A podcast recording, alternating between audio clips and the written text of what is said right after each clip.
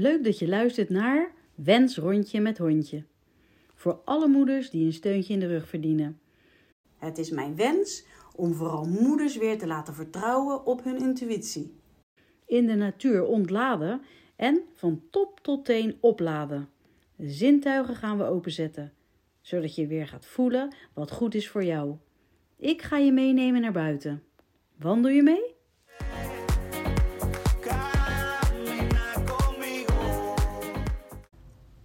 Echte ervaringen.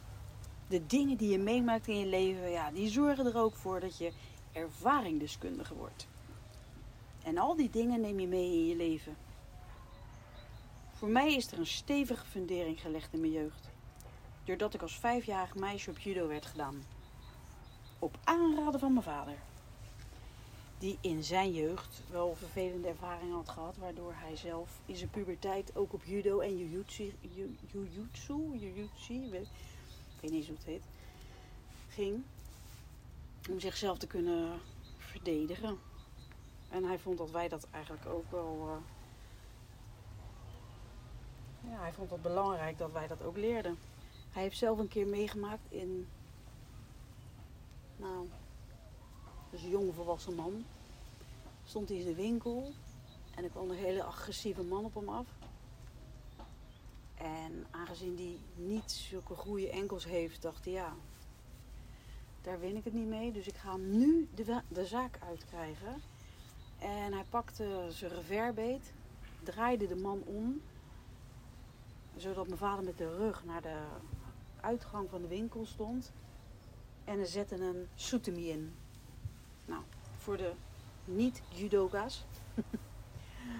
een soetemi is dus... ehm, je zet je voet tegen iemand zijn borst.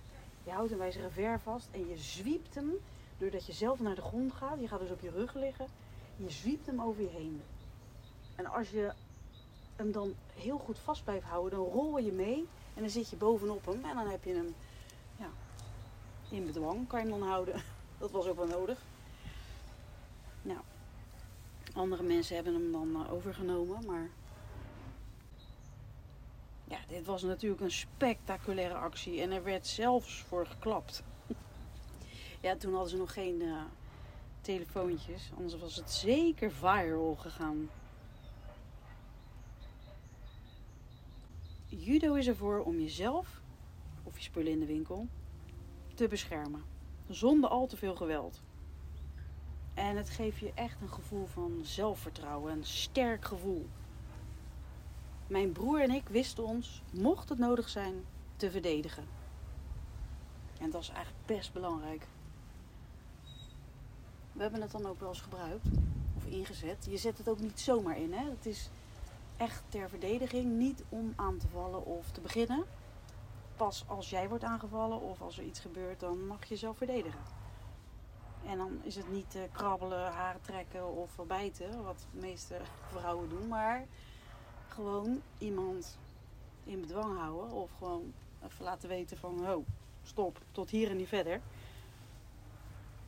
Ik heb het wel eens in eh, mijn schooltijd ingezet, een paar keer. En mijn broer die heeft het ingezet bij zijn eerste vaste baan. er werd iets gestolen in de winkel en mijn broer die ging erachteraan. Rende die man naar buiten, in het gras, pakte hem, bracht hem naar de grond en hield hem in de houtgreep. Ze zaten allebei helemaal onder de modder en zijn baas was blij, maar vooral dat mijn broer niets was overkomen. Hij zei dan ook goed van je, maar volgende keer beter toch maar niet meer doen. Dit voor mijn broer zijn eigen veiligheid. Maar het is best raar als je geleerd hebt om je spullen te bewaken. Mijn vader winkel zat namelijk op de Westkruiskade in Rotterdam. En daar was het soms net het wilde westen. De Wild West. Daar hebben we echt zoveel gezien en ervaringen opgedaan. Ik keek echt als een klein meisje mijn ogen uit. Want ik zag zoveel leuke dingen, andere dingen. Ja, winkels met pruiken, kleurige kleding met glitters en felle kleuren. Het eten zag er ook zo anders uit. Bruine bananen, hele lange boontjes. En al die mensen uit verschillende culturen. Ik vond het fascinerend, echt. Mijn moeder trok me dan ook mee en zei: Kom, niet zo kijken. Doorlopen. We gaan naar papa. ja, zij wist natuurlijk ook, anders was ik in die winkel gegaan. Of uh, met allerlei mensen praatjes gaan maken. Zat er toen al in. Bij mijn vader aangekomen in de winkel zagen we ook genoeg, echt. Genoeg. Er was dus een man die zoveel ja, drank of drugs, ik weet niet, gebruikt had.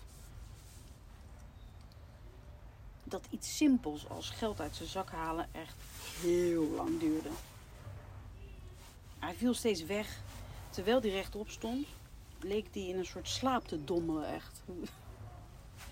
Ja, dat vond ik natuurlijk als kind echt heel indrukwekkend.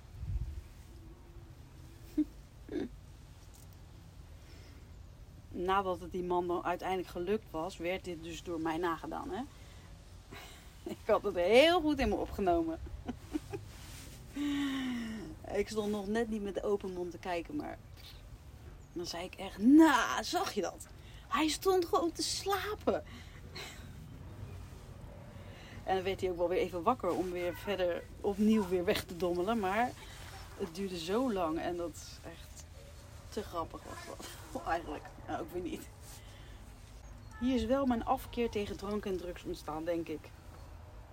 Daarna ook nog wel in mijn omgeving uh, ermee te maken gehad. Maar ik wist toen dus al, nee, doe maar niet.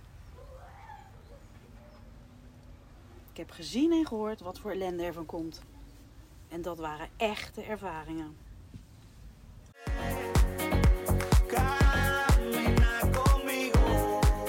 Allereerst super bedankt dat je naar deze podcast luisterde. Ik hoop je wakker te schudden om altijd te blijven vertrouwen op je eigen intuïtie. Juist in deze snelle wereld is het zo belangrijk om te blijven voelen. En wil je mij blijven volgen? Abonneer je dan op mijn podcast. Wens rondje met hondje. Gewoon even klikken op abonneren.